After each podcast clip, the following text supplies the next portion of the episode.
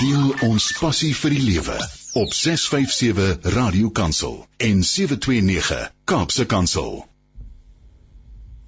Goeiemôre en baie welkom by Met Hart en Siel. So lekker om weer te kan saamkuier. Ek is altyd verbaas oor hoe vinnig die week verbyvlieg en hoe gou dit weer Dinsdag is. Nou vandag gesels ons oor grense heen en sit ons ons gesprek oor die stel van grense van 'n paar weke gelede voort met Amanda de Lange lewensafrigter. Maar ons gaan afskop met Leonie uh, Bouwer. Sy's 'n Bybelvertaler wat in Madagaskar woon. Baie interessante lewe, baie lekker stories om te vertel. En dan gaan ons gesels met Leonie Silje. Sy's 'n verpleegsuster wat reg oor die wêreld vir 'n humanitêre organisasie werk.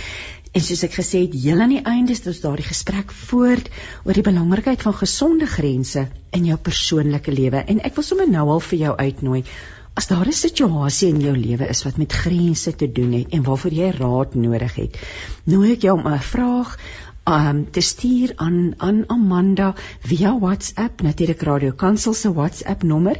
Of as jy natuurlik net lus het om saam te gesels as jy meer as welkom.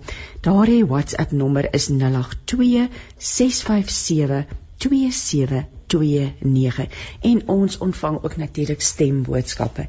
Ek wil vir ons 'n kort stukkie lees vir oggend uit die psalms. En dit is Psalm 32 van vers 7 wat sê U beskerm my U pas my op in elke krisis. U laat my uitroep van vreugde wanneer U my red. En hy het gesê, ek is soos 'n onderwyser vir jou. Ek vat jou aan die hand om jou op die regte pad te lei. Ek sal jou elke keer die regte raad gee en ek sal jou oppas. Ek glo ons het nou vir Leonie op die lyn. Môre Leonie. Goeiemôre Christine. Ag, hoorie, dis nou vir my baie baie lekker en 'n so groot voorreg om met jou te gesels. Ek dink nie ek ken enige iemand anders wat in Madagaskar woon nie. en um, dit klink so eksoties, natuurlik 'n eiland, 'n groot eiland so aan die regterkant van Afrika. Jy woon nou al daar, as ek dit nie mis het nie, sedert 1996. Hoe het dit gekom dat jy daar beland het? Dis 'n bietjie van 'n lang storie wat ek net sal verkort in 'n paar sinnetjies toe ek op universiteit was, het ek en ehm, 'n um, vriend was ons die um, bestuur van ons sendingkomitee by in Potch. En hulle ehm um, hulle het ons toestemming gegee om 'n sendingweek te hou op die kampus daar jaar. En iemand van maar iemand wat in Madagaskar ag in die eilande gewerk het doen met Botha Franswa Botha het kom praat met ons oor oor Madagaskar En daardie aand het ek geweet dis waarheen ek wil gaan en dit is baie jare gelede. So dit het 20 jaar geneem min of meer voordat ek soontoe is. So ehm um, ek is in Madagaskar omdat ek 'n sendingroeping in my hart gehad het, maar in spite van al ten spite van al die draaie wat wat my lewe gemaak het en dat ek in die Here se droë dokke was vir 'n geruime tyd om um, vir hom aan om aan my te werk het ek terwyl in Madagaskar beland deur 'n navorsingsprojek saam met SEL dit is 'n Wycliffe organisasie en ek kan jou meer daaroor vertel want dit is belangrik vir die konteks Ja, asseblief. So, jy het op die uiteinde daar beland 19, 1996, nê? Nee. Dis reg. Ja. En maar dit bietjie met 'n ompad gebeur want jy is 'n Bybelvertaler van beroep. Vertel 'n bietjie vir ons voordat jy vertel van SCL. Hoe dit dit was nie jy moes eers dit het die Here het sy eie tyd gehad om jou daar te kry of die hy het 'n datum gehad vir wanneer jy daar moes wees nie waar nie. Dis reg want ek sou graag wou gegaan het um, net na universiteit maar Madagaskar was nie oop vir Suid-Afrikaners daai dae nie. 'n paar mense het wel gaan hier en daar. Maar ehm um, ek ek is betrokke, ek lei 'n Bybelvertalingsprojek wat in, in 2002 begin het na 6 jaar van navorsing wat ek gedoen het. So die navorsing het gegaan hieroor. Ehm um, hulle het gesê in Madagaskar is daar een taal en hulle het 'n Bybel vir 200 jaar al. So daar is geen behoeftes aan Bybelvertaling in Madagaskar nie. toe het mense sendelinge van Madagaskar geskryf aan Wycliffe in in Afrika uh, in Amerika, weet nie waar nie en um, na my brief om vir hulle te vra, is daar nie 'n studie wat ons kan doen in Madagaskar wat sending kan help nie want ek wou ek wou eh, 'n uh, doktorale studie doen. So ehm um, sê hulle vir my in Madagaskar het ons nie 'n behoefte aan enige studies nie. Kom help ons in Wes-Afrika. Maar ek wou nie. En na jare het ek weer geskryf en toe die Here deur ander mense ook aan hulle briewe gestuur en gevra vir iemand om 'n ondersoek te kom doen oor tale. Die uitkoms daarvan is dat ons het gevind dat daar tussen 20 en 25 ehm um, relatiewe taalgroepe is in Madagaskar wat nie deur die taal wat ontwikkel is, die een taal wat ontwikkel is, uh, ordentlik ehm um, ehm um, kan kommunikeer. Ja, bedien word nie, ja. Ja. So dit is hoekom ek ehm um, in Bybelvertaling ingekom het, uh, want dit was 'n logiese ehm um, uitkoms van die navorsing wat gevind het daar is nie een taal nie, maar baie. En ehm um, en ons het stadig begin werk deur moedertaalvertalers. Hulle is die vertalers, ons is die fasiliteerders en die konsultante en ek het hier wat kollegas, mense wat baie goed gekwalifiseer is en so aan in hierdie dinge. En ons werk nou al vir 20 jaar aan Bybelvertaling deur die mense self. Ek moet nou vra, praat jy enige van hierdie tale? Ek praat 'n mengsel want ek het nie um, daar was nie fondse toe ek gegaan het om die taalstudie te doen nie. Ek moes onmiddellik begin navorsing doen. So ek het deur my ore geleer waar ek ook al was en ek sal nie vir jou waarborg dat ek enige suiwer gaan praat nie, maar ek het baie woordeskat van reg oor die eiland. So ek gebruik dit. Ek wil nou vir jou vra die statistiek as dit kom by die Christen geloof. Um, is daar ja. enige vervolging van Christene? Is dit 'n hoe hoe, hoe vergelyk dit met die ander gelowe in die land? Ehm um, ek sal uh, dit so beantwoord. Ehm um, in die eerste plek is Madagaskar oor die algemeen vriendelik teenoor die Christendom. Maar met reserves.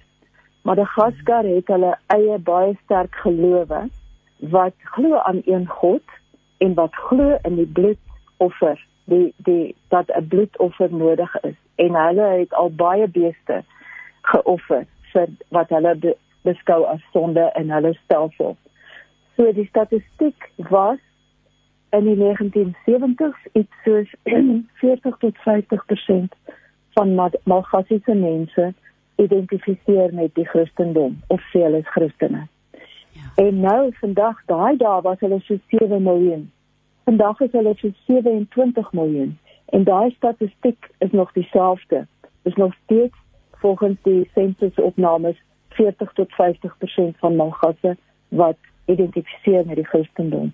Daar daar was daai dae 'n sensus gedoen oor godsdienst.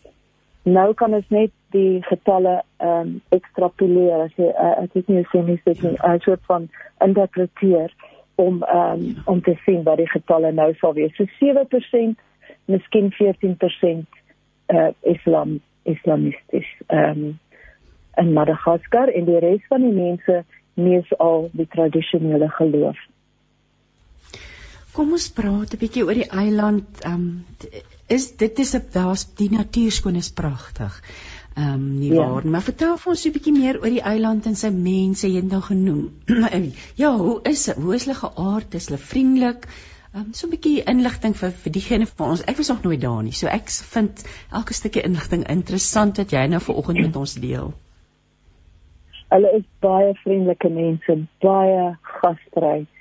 En ehm um, dit is dit is 'n wonderlike ervaring om daar te en 'n voorreg om daar te mag lewe meeste van die goed wat ek oor die lewe weet, het ek in Madagaskar by daardie mense geleer. Hulle is hardwerkend. Hulle is ehm um, hulle lewe op die meerderheid lewe eenvoudig. Materialisme het natuurlik sy ingang gekry daar en daar is mense wat op 'n hoë vlak lewe en ehm um, en baie baie voorspoedig lewe en so aan maar die meeste van malgasse malgassiese mense is uh, lewe in 'n in 'n tipe armoede en en lewe met 'n hardwerkende etiek en dit hy mense sal sê o hulle is lyk like, ek hulle daar op die sand maar wat hulle nie aan dink nie is hulle die hele nag vis gevang en wat moet hulle nou doen? Ja. So ehm um, Madagaskar is 'n Austronesiese land. 'n uh, Austronesiese kultuur. So dit is 'n soos hulle in Engels sê outlier, geografiese outlier, want die kultuur is nie Afrika nie, die kultuur is Austronesië. Die Magasse kom van Kalimantan en daardie wêreld af. Hier's nou iemand 'n luisteraar, ek weet nie jy gaan vir ons dalk hieroor kan kommentaar lewer Leonie, wat sê Madagaskar Madagascar, verskoon my, is a Muslim state and it is forbidden to convert or preach Christianity to a Muslim. Um wat is jou kommentaar? Wil uh, is jy gesluit omgee om iets daaroor te sê? Uh, ek het nie gehoor wat sê hulle uh, uh, ja, die persoon hy sê ag verskoon my Hy die persoon sê Madagaskar is a Muslims. O, oh, verskoon my. Ek het ek pad aan my keel. It's a Muslim state. No, it isn't at all. Um en Madagaskar is daar daar is um daar is baie mense van daardie geloof en ook van heel wat ander gelowe, maar die meerderheid van Malgasse sou ek sê is um uh, tradisioneel van geloof en en die meerderheid tot die helfte of net minder as die helfte. Dit is hmm. baie moeilik om te sê. En die ander ja. helfte is Christen. Hulle sê hulle is Christene. Well, Sean, they hear from somebody that has been living in Madagascar for many, many years, somebody who does um, Bible translation in order to offer the Christian Bible to the uh, people of Madagascar in their own language. So I hope um, that answers your question or that sort of com- uh, part of the comment on your comment. Um, Letty Creer sê, hulle eet groente, vrugte en vleis, daarom pa hulle borrel en probeer gesond lewe. Die Here is baie goed vir ons. So mense identifiseer met hierdie eenvoudige leefstyl, nê. Nee. Dit is dit gryp mense nogal aan. Ek dink ons almal smag op 'n manier daarna. Jou eie lewe, ek neem aan jy leef ook oh, skus, verskom my net. Ek het so pad aan my keel vanoggend. Net. Mhm. Mm ja, ek het ook een antwoord. Ja, ek weet nie waar dit vandaan kom nie. Dis die lente in die lug. Ehm, um, mm -hmm. miskien kan jy vir ons antwoord oor sommer die alledaagse lewe, jou alledaagse lewe. Ehm, um, hoe lyk dit? Dit is 'n ander ritme as um, in Pretoria, Johannesburg, Kaapstad. En uh, dit is 'n baie plattelandse ritme. In die in die hoofstad Antananarivo is dinge 'n bietjie vinniger en daar's soveel uh, verstoppings op elke pad van jy moet weet as jy stad toe gaan neem dit die hele dag. As jy van die lughawe se kant af stad toe gaan, neem dit die hele dag. Antananarivo is die enigste ek dink die enigste stad in die wêreld wat reisvelde nog binne in die stad het. Ehm um, dit word minder want hulle bou geboue daar. Maar die mense ehm um, die mense as hulle die oortuiging het van iets sal hulle definitief daarvolgens lewe. En daar is mense wat deur die Here genees is van siektes, daar is mense wat ehm um, tot 'n nuwe oortuiging gekom het al het hulle altyd gedink hulle is 'n Christen en ehm um, dit is net wonderlik om saam met hulle deur hierdie ervarings te gaan sommige van hulle. Ek skiet nou wat jou vraag was maar ehm um, ja, oor die, die alledaagse lewe. die alledaagse lewe is dat dat in die stad is dit maar hierdie taksies wat baie mense oplaai en hulle hulle laai hulle so vol as wat hulle kan. Taxi B noem hulle dit op die platteland loop die mense, die kindertjies loop skool toe. Ons ken bietjie van sulke ehm um, prentjies in Suid-Afrika ook. En ehm um, en mense se huise is eenvoudig oor die algemeen. Hulle lewe in eenvoud en hulle werk hard van oggend tot aand. Hulle gaan vroeg slaap in die dele van die land wat ek ken want ek is maar meesal in die in die platteland dit is waar ons werk geskied waar die mense nog hulle eie tale praat en waar mense dit nog kan leer en ehm um, en gebruik vir vertaling. So ja, ehm um, dit hmm. Nou, skus tog Leonie, jy het genoem dat jy saam met die plaaslike mense werk as deel van hierdie Bybelvertalingsprojek ja. wat jy aan werk. Ja. Ons werk saam met spanne mense wat elke span ehm um, bestaan um, daar's baie keer 3 mense in 'n span of 5. Een van die spanne het 13 mense in dit. En ehm um, dit hang af van die die taalgemeenskap wie hulle wil hê moet in hulle spanne wees. En dit is 'n gemeenskapsprojek wat voorberei word vir 'n paar jaar en dan die mense wat wil betrokke raak daarbey en wat deur die gemeenskap aangewys word word dan die vertalers. En hulle is nie akademici nie. Sommige is boere huisvrouens uh, sommige is predikante of evangeliste of kategiste en sommige van hulle selfs is nie noodwendig gelowiges in die Christen geloof nie, maar hulle is taalmense, dis hoekom hulle op die span is. Kom ons praat 'n bietjie oor oor oor die kerk, die is daar formele kerke, die tradisionele kerke, is daar soos 'n huiskerke? Hoe lyk die struktuur van die kerk op Madagaskar? Die kerk het ontstaan uit 'n groep sendelinge wat ehm um, wel, die eerste ehm um, lewensvatbare implanting van ehm um, van die Christendom in Madagaskar het in 18 in die 1820s gebeur deur die London Missionary Society. Dit was die eerste regte implanting van die kerk. Daar was pogings voor dit in 15 in in die 16de eeu, 17de eeu was daar was daar pogings. Maar in die 19de eeu het dit gebeur en dit het begin deur Bybelvertaling en toe kerke geword. Daar is vandag kerke reg oor Madagaskar. 'n Mens kan nie sê daar 'n mens kan nie sê die kerk is nie oral nie. Maar ja. die mense is nie almal bereik nie omdat die boodskap kom in 'n taal wat nie hulle eie taal is nie ja. en omdat dit kom in 'n in 'n in 'n op 'n manier wat op 'n wyse wat vir hulle miskien nie ehm um, wat vir hulle miskien vreemd is. So die Malgasse onderskei tussen wat hulle eie is en wat vreemd is. En as iets vreemd is, bly dit vreemd. Dit moet op 'n manier 'n deurtjie kry om hulle eie te word. En dit is die idee van die Bybelvertaling ja. in moedertaal. Nou presies wat jy mee besig is. Vertel ons 'n bietjie meer oor die organisasie SEL. Jy het aan die begin dit genoem. Um wat presies behels hierdie organisasie?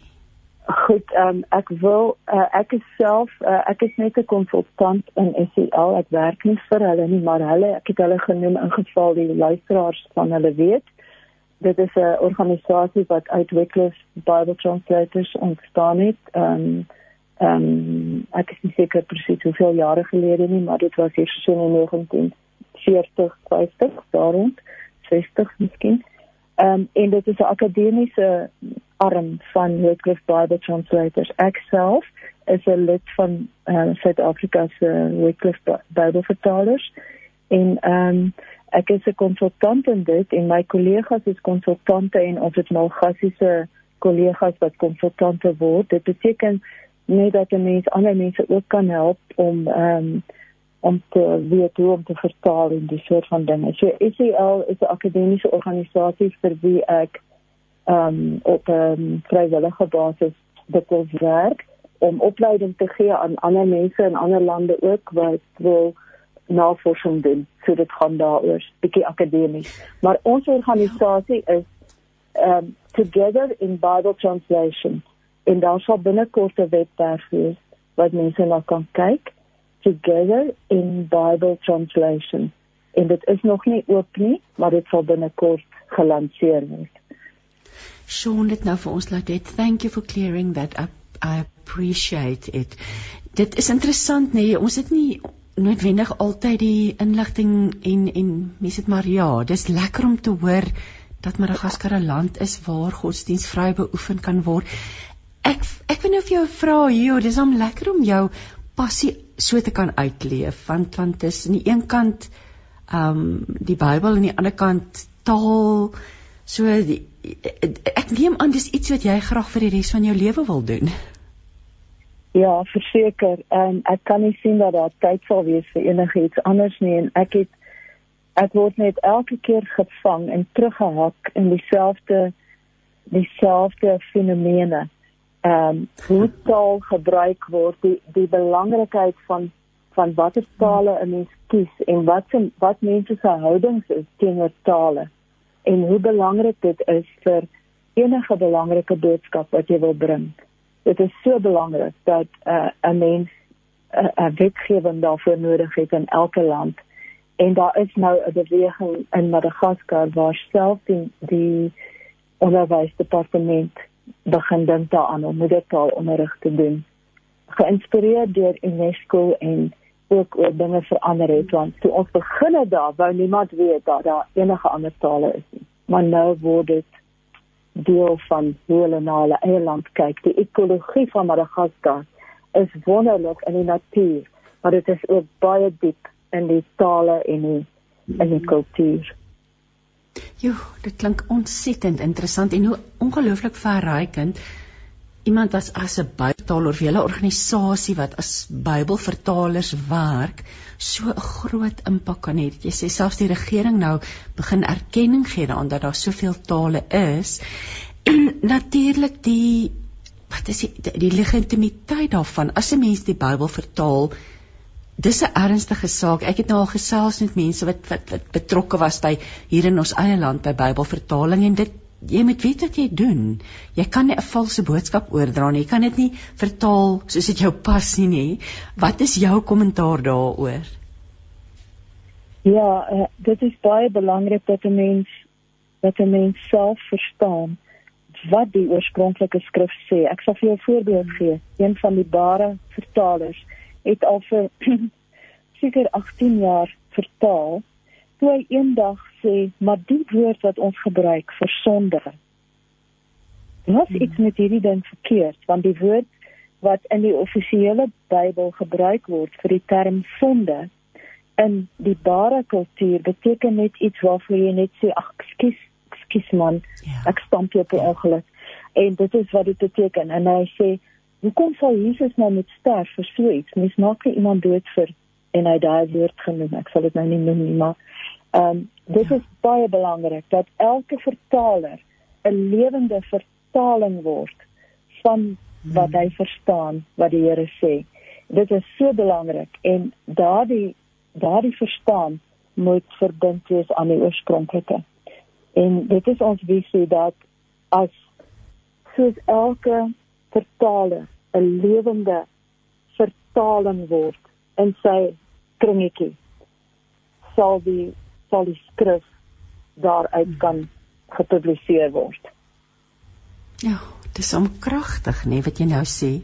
Want hoekom sal Jesus dan sterf vir iets wat net 'n 'n per ongeluk dingetjie was of 'n oepsie of as mens nou so kan ja, so kan noem. Ja. Ek ek weet ek is nog geïnteresseerd oor jy het gesê hulle daar's hulle manier van doen of hulle geloof of hulle tradisies jy as westerling as suid-afrikaner hoe op aarde het jy dit reg gekry om of daar jou jou wortels neer te lê vriende te maak die mense se vertroue te wen? Vertel vir ons 'n bietjie meer daaroor. Ek dink ehm um, enige enige mens sal in Madagaskar 'n tuiste vind as hulle dit soek en dit het vir my dit het vir my so natuurlik geword om daar te wees dat ek in hierdie COVID exile wat op my afgedwing is sedert 1 Maart verlede jaar. Ek kon nie teruggaan nog nie.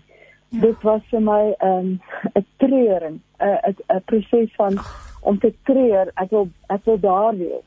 Want die mense het my hart gevang en dit is waar ek kan lewe en dit is maar net hoe dit gaan. Ek dink 'n mens het elke net soveel jare waarin jy produktief kan wees in iets of ander en ek hoop dat dat die Here die saadjie van ons lewens, ons wat daar woon en in hierdie werk is, sal gebruik om baie ver in die toekoms mense se lewens aan te raak. Maar dit is dit is die Here se verantwoordelikheid om om daarvan sin te maak. Maar vir my persoonlik ek voel tuis daar want ehm um, want dit is die regte plek vir my. Miskien sou ek nie hmm. tuis gevoel het as ek iewers anders moes wees nie. Maar ehm um, ja, dit is nie sonder sy probleme nie, maar dit is ehm um, ehm um, dit is 'n verwelkomende land. Hy is nou 'n vraag van 'n uh, eh, drie skreer van Palabora. Hy sê goeiemôre aan ons almal. Hy sê ek vermoed dat Madagaskar streng wette het want ons hoor nie van inmenging van die wêreld nie. Hy sê dit is 'n 'n baie privaat gemeenskap of of is hy verkeerd? Ek dink hy's reg want ehm um, die die eilandkultuur bring grense wat 'n mens nie kan verstaan as jy op 'n kontinent woon nie. So dit is 'n mini-kontinent en Madagaskar is die helfte van die grootte van Suid-Afrika. Dit is groter as as Frankryk, die land Frankryk. Ehm um, met 27 miljoen mense, maar uh, hy sê ehm um, streng wette. Ehm um, ja, en nee, daar is ook baie korrupsie en daar is baie dinge wat ehm um, definitief die Here se woord nodig het in Madagaskar in mense se harte sodat dit vir hulle 'n beter plek kan wees om in te lewe. Maar ehm um, die die wette is baie gebaseer op die koloniale wette en daar's amper 'n dualisme van dit is uh vreemd en dit is eie. So daar is 'n dualistiese wetstelsel die mense het hulle eie manier om om wetgewing toe te pas en dan is daar ook die howe wat min of meer korrup is. Ehm um, ja. Ja, dit is jammer ek ek hou van hoe jy dit gestel het waar ons waar, waar die inspraak van God se woord ek weet nou nie die presiese woorde gebruik nie maar dat ons daar's dinge waaroor gebid moet word en dinge wat soos eintlik maar reg oor die wêreld nê. Nee. Ja.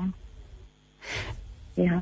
Leonie, vertel vir ons so as ons kom so aan die einde van ons tyd as ons nou eendag weer kan reis. Ai, ons bid almal daarvoor en ek wil sommer dadelik sê ek bid werklik vir jou spoedige ehm um, terugkeer na Madagaskar. Jy het werk om daar te doen en ons ons bid dat die Here die deure gaan oopmaak dat jy kan vinnig teruggaan.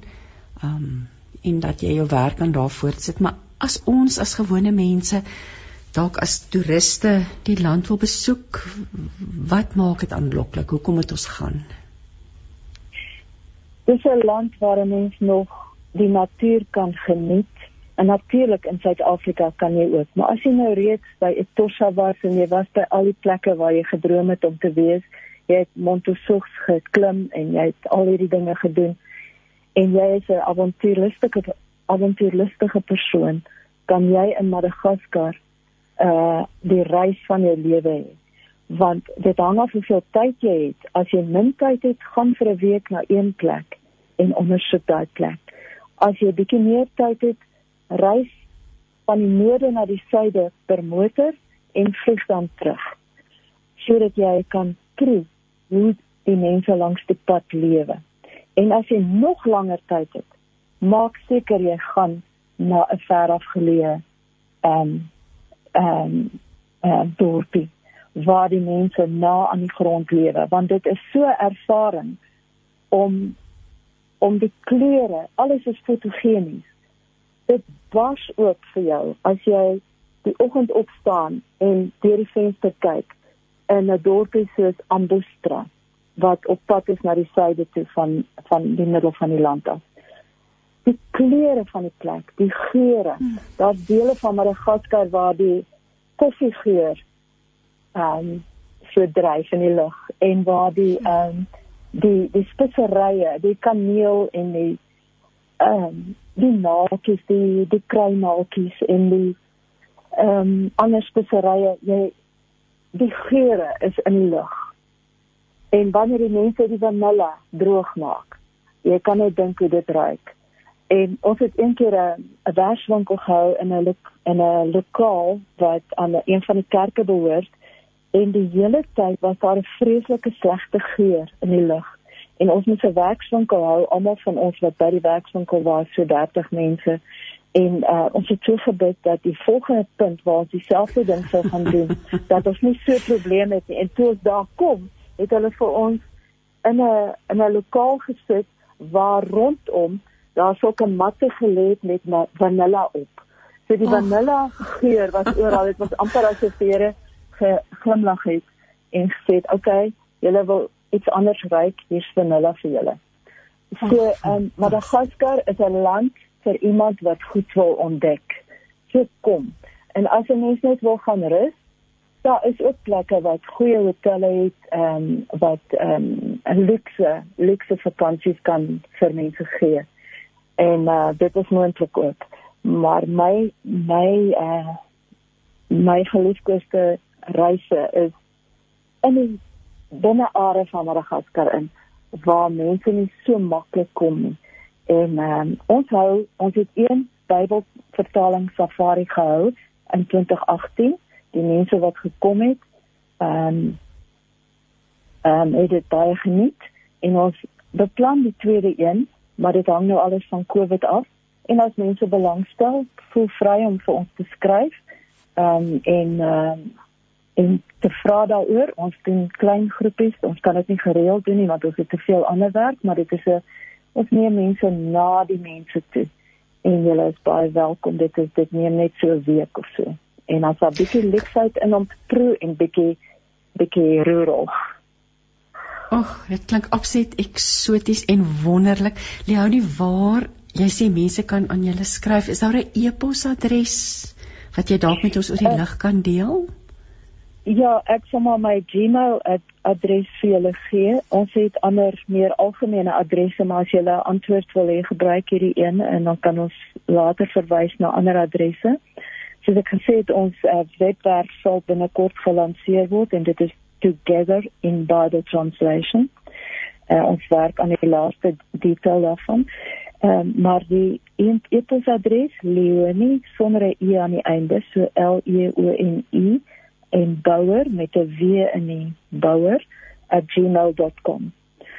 Ehm um, dit dit is my persoonlike adres. Julle is welkom om daarna toe te skryf en ehm um, ons ek sal antwoord. Ek gaan dit net herhaal as jy meer wil te wete kom van die organisasie waarby Leonie betrokke is Together in Bible Translation hulle webwerf gaan een van die dae um op op op op die lig wees, op spoed wees, ek weet nie wat mense dit wil noem nie. En as jy meer wil uitvind oor um, dalk hierdie Bybelse safari, dit klink ongelooflik interessant wat Leonie van praat, kan jy 'n e-pos stuur aan Leonie sonder die e bouer met 'n w @gmail.com. Leonie, laaste gedagtes van jou kant af, ehm um, voordat ons afsluit. Ehm um, hierdie reis in Madagaskar in my lewe ehm um, het vir my gedwing in die psalms in. En ek wil net sê dat ehm um, die dit is geamplifieer vir my dat die psalms oor verhouding met die Here gaan. En dit is my persoonlike reis in Madagaskar. Ek het Dawid en al die ander psalmiste se woorde begin my eie maak. En dit gaan nou al vir baie jare aan. So ek wil julle aanmoedig om Psalm 25 in die klassieke amplified vertaling te lees en veral vers 14 waar dit sê um the secret um excuse ek het dit ook gehad en ek rekenaar toe gegaan the, the secret of the sweet satisfying companionship of the lord have they who fear revere and worship him and he will show them his covenant and reveal to them its deep inner meaning. En dit gaan saam met Filippense 3 vers 10 en te volgende.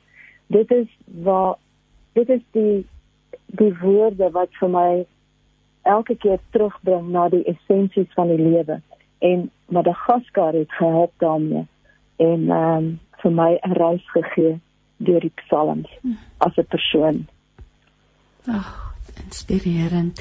Leonie, soos ek gesê het, ons bid vir jou spoedige terugkeer en ons bid seën oor die werk wat jy doen, wat jy doen en ook oor jou en so dankie dat jy ver oggend jou hart 'n bietjie met ons gedeel het en vir ons net so 'n glimp, so kykie gegee het daai wonderlike plek waar jy woon. Baie dankie Christine ook vir die geleentheid uh, om te kon gesels, saamgesels. Natuurlik, uh, sou dit lekker gewees het rondom 'n vuurtjie of iewers ja. waar ons kan sit en eet. Ja, baie oh. dankie.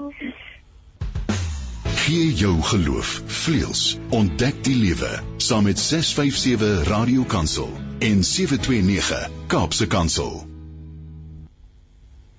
Jy luister dan met hart en siel en nou gesels ek met Annike Silje. Annetjie is 'n verpleegkundige wat reg oor die wêreld vir 'n humanitêre organisasie werk en ehm um, ja, 'n baie interessante lewe. Goeiemôre Annetjie. Goeiemôre Christine, kan jy my goed hoor? Ek kan jou baie goed hoor. Ek wil sommer dadelik dankie sê vir jou tyd vanoggend en dat jy met ons gaan gesels. Vertel sommer dadelik asseblief vir ons oor die werk wat jy doen. OK, maar maar voor ek uh, van myself vertel, dit was ongelooflik interessant om na Leonie te luister. Dankie vir daai onderhoud ook. Dit was regtig oh. inspirerend soos ek sê. Maar um, ons is, ja. ons is ons ken nie ja? is eksoties. Dis ja, wonderlik, inspirerend. Ja, ja, nee, definitief. Anyway, ehm um, ek het 'n verpleegster soos ek sê, ek het opgelei in Bloemfontein Ehm um, ek werk met 'n humanitêre mediese noodlenigingsorganisasie Dokters Sonder Grense. Ehm um, dit is afge dit is die die Afrikaanse naam vir 'n Franse organisasie of 'n 'n organisasie internasionale organisasie met die Franse naam van Médecins Sans Frontières. En kort noem ons dit net MSF. So MSF voorsien gesondheidsdienste aan bevolkingsgroepe in noodsituasies wat eh uh, vlug vir hulle van hulle gemeenskappe of lande uh as gevolg van uh, natuurlike of mensgemaakte rampe as gevolg van oorlog of gewapende konflik, burgeroorlog. En dan voorsien ons ook dienste um, ten spyte van ras, geloofs-oortuiging, oriëntasie, ideologie of politieke oortuiging. Hmm. Ja. Ja. Groot harte. Ek is nou onmiddellik geïnteresseerd oor hoe dit werk. Ehm um, mens jy doen aansoek, jy kry die werk, word jy dan uitgepos na 'n spesifieke land, na die land van jou keuse? Is jy vir 'n lang periode daar? Hoe werk dit? Weet jy toe ek ehm um, met MSF by MSF aangesluit het, het ek geweet ehm um, ons werk in konflikgebiede en ek het geweet dit is hoë risiko werk wat mens doen as in in hospitale, tenthospitale, uh primêre gesondheidsklinieke in die veld of in 'n mobiele kliniek. En dis baie keer is dit na aan die frontlines soos wat hulle sê in in in in konflikarea. So ehm um, die lande ehm um, ek het aansoek gedoen en ek nou ek het al 'n paar jaar by die organisasie so ek kan seker kies waar ek wil wees maar gewoonlik as hulle my vra na 'n land toe te gaan dan gaan ek na die land toe. En dit is hoekom ek aangesluit. So uh, ja, ek was al in Suid-Sudan en Pakistan en Noord-Oos-Nigerië waar Boko Haram uh, is, die die terroriste groep in Bangladesh. So ehm um, net om so 'n bietjie te sê in Suid-Sudan, ehm um, wat is dit 'n burgeroorlog en daar het die ons primêre gesondheidsorg, hospitaalsorg ons het uh, ons uh, voorsien dienste gedurende kolera en breinvliesontsteking uitbrake. Dis hoe ek in die land betrokke geraak het. Uh, in Sierra Leone was ek by die Ebola uitbraak betrokke in Pakistan.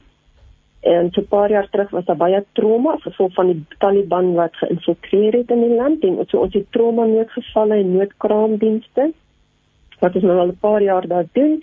Alhoewel dan nie meer konflik is nie is ons op die land betrokke omdat daar uh sekere areas van die land is daar uh nie baie goeie toegang tot gesondheidsorg nie. So ons is in die noorde van die land wat 'n baie konservatiewe area is en daar doen ons tot 1200 gevalle uh bevallings per maand en so 200 keisersnit per maand. En um, ja, my, my mond hang oop. Ek ek vra myself af en ek sê vir myself, maar jy's 'n eystervrou.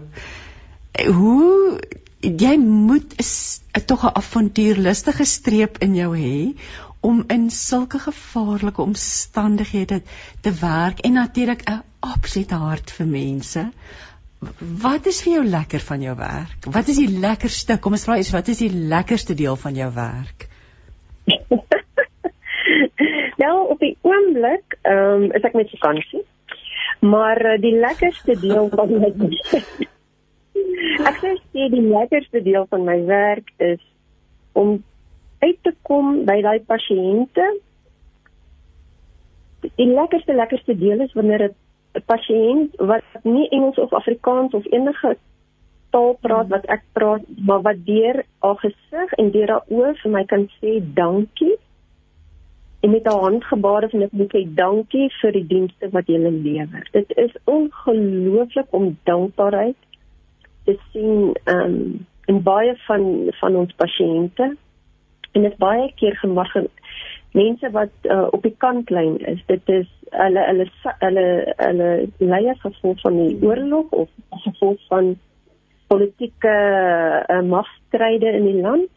So dan het hulle nie altyd goeie toegang tot gesondheidsorg nie en dit is wonderlik om 'n hoë kwaliteit gesondheidsdiens te kan lewer wat dit andersins nie moeilikheid moontlik sou wees nie so dit is ja. ehm um, dit dit is regtig vir my baie baie lekker om om daai kontak te kan hê met kruiskulturele kontak met mense van enige geloof, enige agtergrond, enige politieke agtergrond, weet enige land en en dit maak my so oop.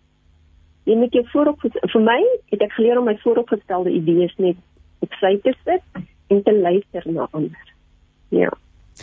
En hierdie mense is soos jy sê meestal onskuldige slagoffers mense wat op die kantlyn staan en ingesleep word en wat seer kry, ja. fisies seer kry of soos jy sê kinders moet in die lewe bring of wat ook al.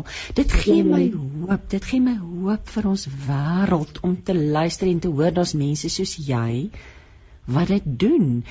Ek wil nou vir jou vra, mag jy vir ons sê waar jy jy's hier met vakansie sê jy, so jy's weer een of ander tyd ter, op pad terug iewers heen.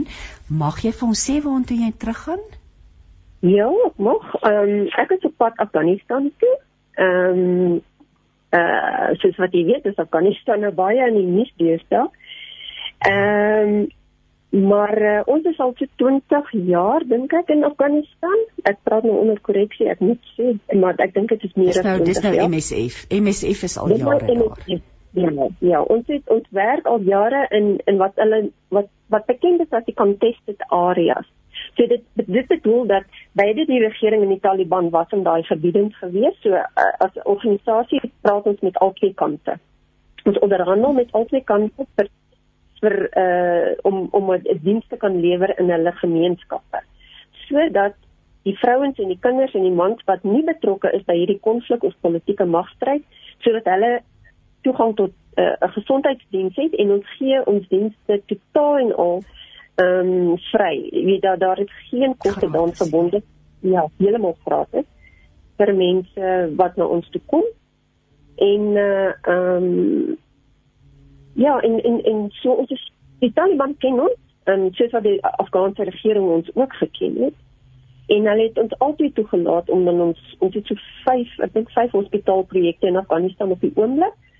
En dan uh ehm um, kon ons ons uh, dienste daar lewer en lewer ons nog steeds ons dienste daar. Um, ons is nog steeds daar en ons ons beplan om nog steeds voort te gaan in Afghanistan. Dit is nou 'n bietjie anders ons gaan nou sien hoe dit gaan nou nou gaan met die onderhandelinge. Ja. ja, ja. Maar uh, um, dit is maar nog uh, ons het 'n goeie goeie uh, verhouding tot dusver met die Taliban gehad um, net sodat ons ons ons dienste kan lewer. Is daar tye wat jy vrees vir jou lewe of bang is? Christine, ek vra ek nou 'n verkeerde vraag. Ek dink ek is baie keer banger om op die pad hier te ry.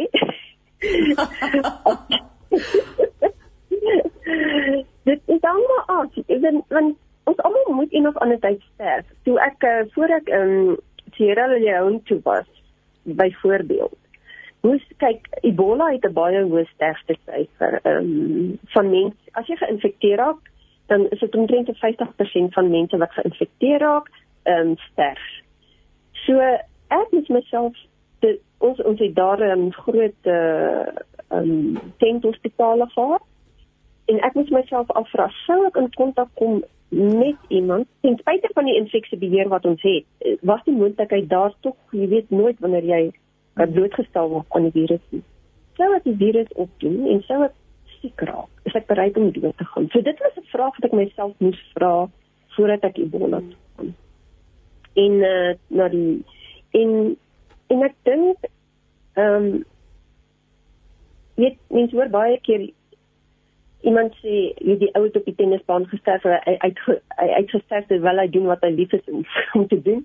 So ja. ek sien baie keer ek weet as ek nou moet sterf sy doen my werk dan doen ek want ek is baie lief vir my werk. Ek ek geniet dit baie en ehm um, ja, dit is dit is vir my uh kan nie dink dat ek iets anders gaan kan doen nie. Um, jou lewe ja. Kom ons ja. praat 'n bietjie Ebola en nou natuurlik COVID. Ehm um, joh, die virus, die virusse wat so half die wêreld oorgeneem het.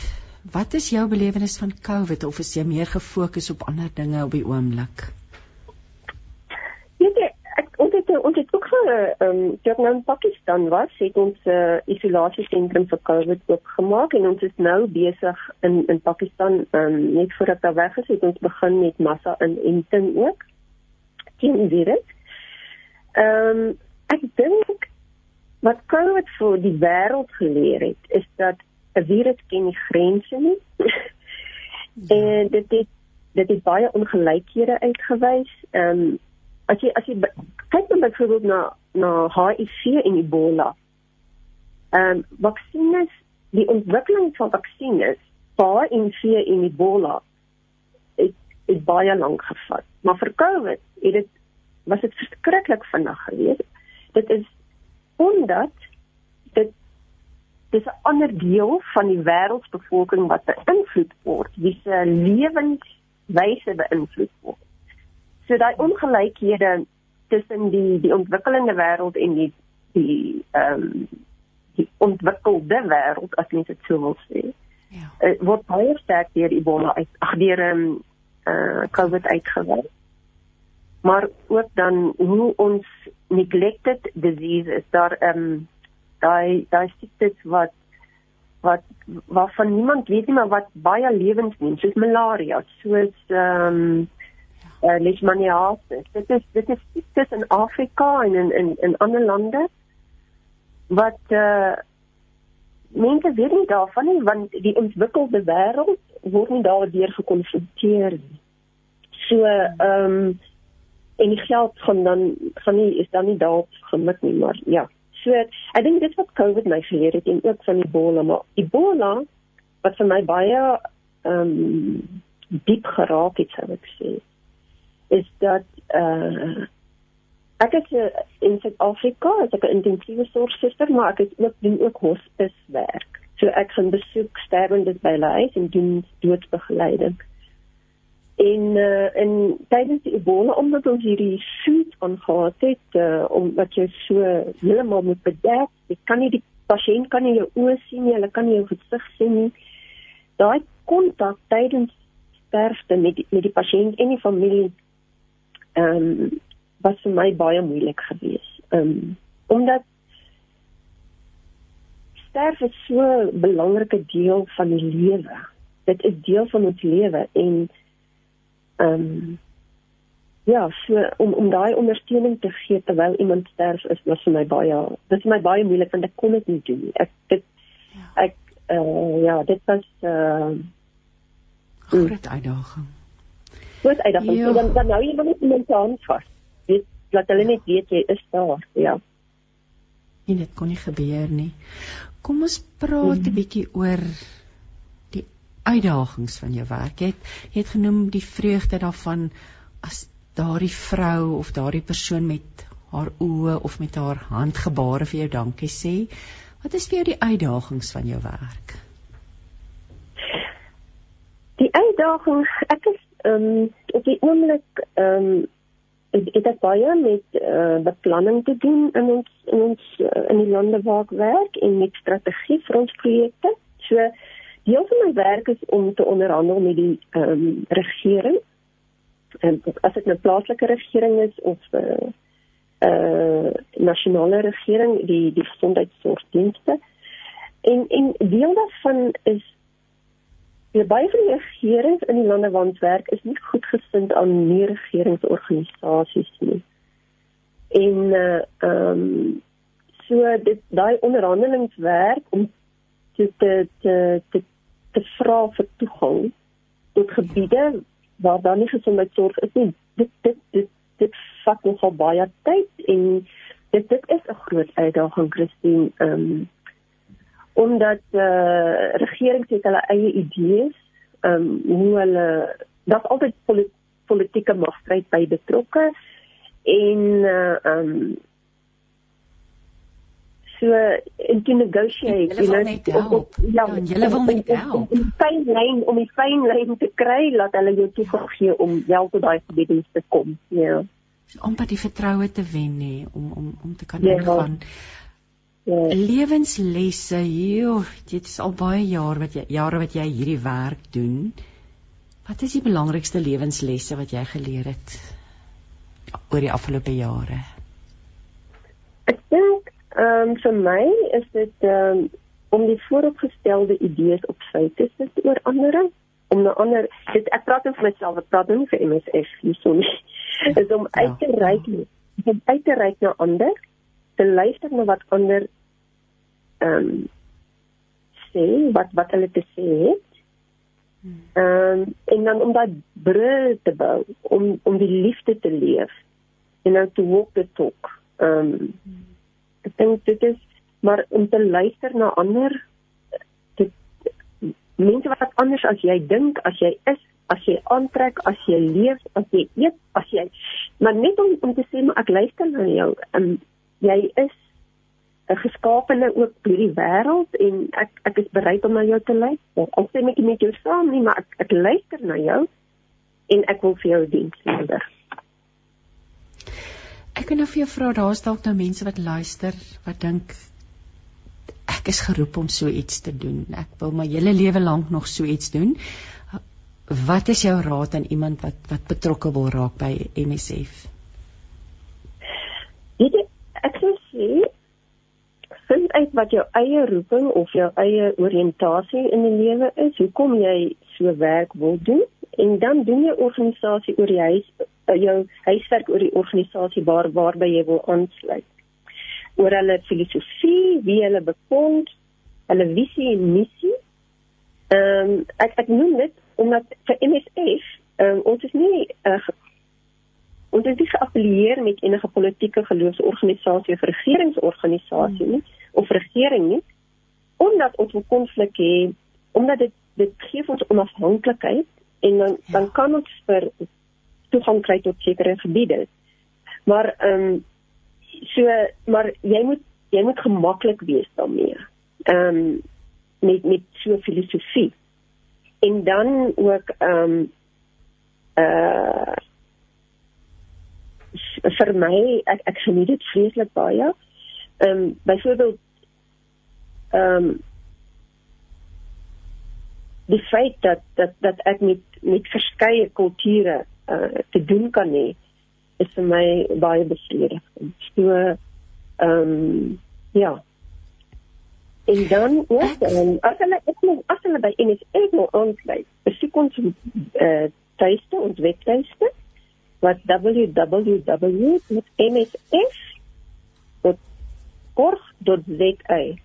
En daar kan hulle sien die werk wat ons doen. Jy kan aansoek doen, jy kan donate, jy weet ehm um, aan die organisasie. Ehm um, ja, jy kan net meer uitvind van waar ons ons werk in 70 lande wêreldwyd. Die verskillende projekte wat ons het, ons werk in Suid-Afrika met HIV projekte en met uh, migrante. Ehm um, in KZN in, in Pretoria in 'n uh, Kaap. So dit uh, ja moet mense sin vir avontuur hê want want jy gee ook seker dikwels um, daar's goed wat jy prys gee werk jy vir ek ek dink nou onmiddellik aan 'n uh, eh, gesin as jy in 'n gesinsverband is is dit seker bietjie moeilik. Ehm um, gaan jy net vir kort rukkies gaan mens vir lang rukke is daar verskillende opsies. Ehm um, mens moet mens moenie van 'n van 'n van 'n rotine hou nie voel dit vir my. Ek mag heeltemal verkeerd wees Annetjie, maar jy moet 'n sekere ingesteldheid teenoor die lewe hê om te kan werk, om te doen wat jy kan doen. Weet jy Christine, ehm um, ja, moet dit dan vir avontuur wees, maar wat ek ook sou sê is dat baie van my kollegas is wel getroud, hulle het wel families by die huis. En hulle het wel kinders by die huis. Ek moet sê as dit ek sou wees, weet ek nie of ek as ek kinders en 'n man gehad het, dink weet ek nie of ek dit sou gedoen het wat ek nou doen nie. Ja. Die ja. eerlike waarheid sê. Maar uh, um, ek het nie kinders en 'n man nie, so ek kan dit doen en ek geniet dit geweldig baie. Maar my daar's baie van my kollegas wat dit wel doen. They juggle the balls, so to speak, and they keep ja, hulle hou die ja. balle in die lug. En uh um hulle hulle het wonderlike families by die huis wat hulle ondersteun en wat hulle sê, ja, jene ehm um, so uh dit is moontlik vir vir getroudes ja. om hierdie te werk. Daar in Suid-Afrika het ons familieposte byvoorbeeld. So die hele familie kom saam, maar in die konflikgebiede het ons nie familieposte nie. Byvoorbeeld, daar daar kan net ja. die man of net die vrou pas. Ja. So jy is nou binnekort op pad terug Afghanistan toe. Um ek uh, ek wil nog vir jou vra wat hou die toekoms vir jou in? Hoe hoe lyk die pad vorentoe vir jou? Ehm um, Christine, ek weet nie ehm um, vir my wil ek hierdie tipe werk doen so lank as wat dit vir my moontlik is. Ehm um, omdat dit so vervullend is en omdat ek dit geweldig baie die uitdagings daarvan so baie geniet. Ehm um, dit dit dit dit dit het my my oë oopgemaak vir die wêreld en dit het my oë oopgemaak vir vir ander mense en vir mense wat anders as ek is. So um, en wat deur baie mense as 'n vyand gesien word. Ehm um, so dit ja, dit dit gee mense uh, 'n uitkyk op die lewe wat wat regtig 'n groot voorreg is. Ja, Annetjie. Ek sal leer jou vir die werk wat jy doen. Ja, dit is dis dis wonderwerk dis dis regtig waar soos ek gesê het vroeër 'n eystervrou um, so mag die Here jou seën op hierdie pad ons bid vir alles wat goed en mooi is vir jou in Afghanistan nou um, dinge ons weet nie wat daar gaan gebeur nie nê dinge is baie onseker maar dankie ja. tog dat jy binne die binne die veiligheid tog van hierdie organisasie so toe kan teruggaan en ag ons bid dat jy dit nog vir baie jare sal kan doen en en en dat dit regtig geseën sal wees en vir jou 'n vreugde sal bly. So en nogmaals dankie vir jou tyd vanoggend. Waardeer dit ontsettend baie dat jy met my gesels het. Baie dankie Christine en baie dankie aan die luisteraars ook. Ek um, waardeer hierdie geleentheid. Ek gaan net die webwerf herhaal voor ons na musiek luister. Ehm um, as jy meer wil weet oor ehm um, in uh, ons ken dit as Doctors Without Borders, uh, Dokters Sonder Grense. Um, kan jy die die die Franse, dis die MSF kom eintlik van die Franse naam nee, klink dit vir my. Ja, die dit dit ja, ekskuus tog? Die, die, die MSF, ja. Ja, dit is www.msf.org.za.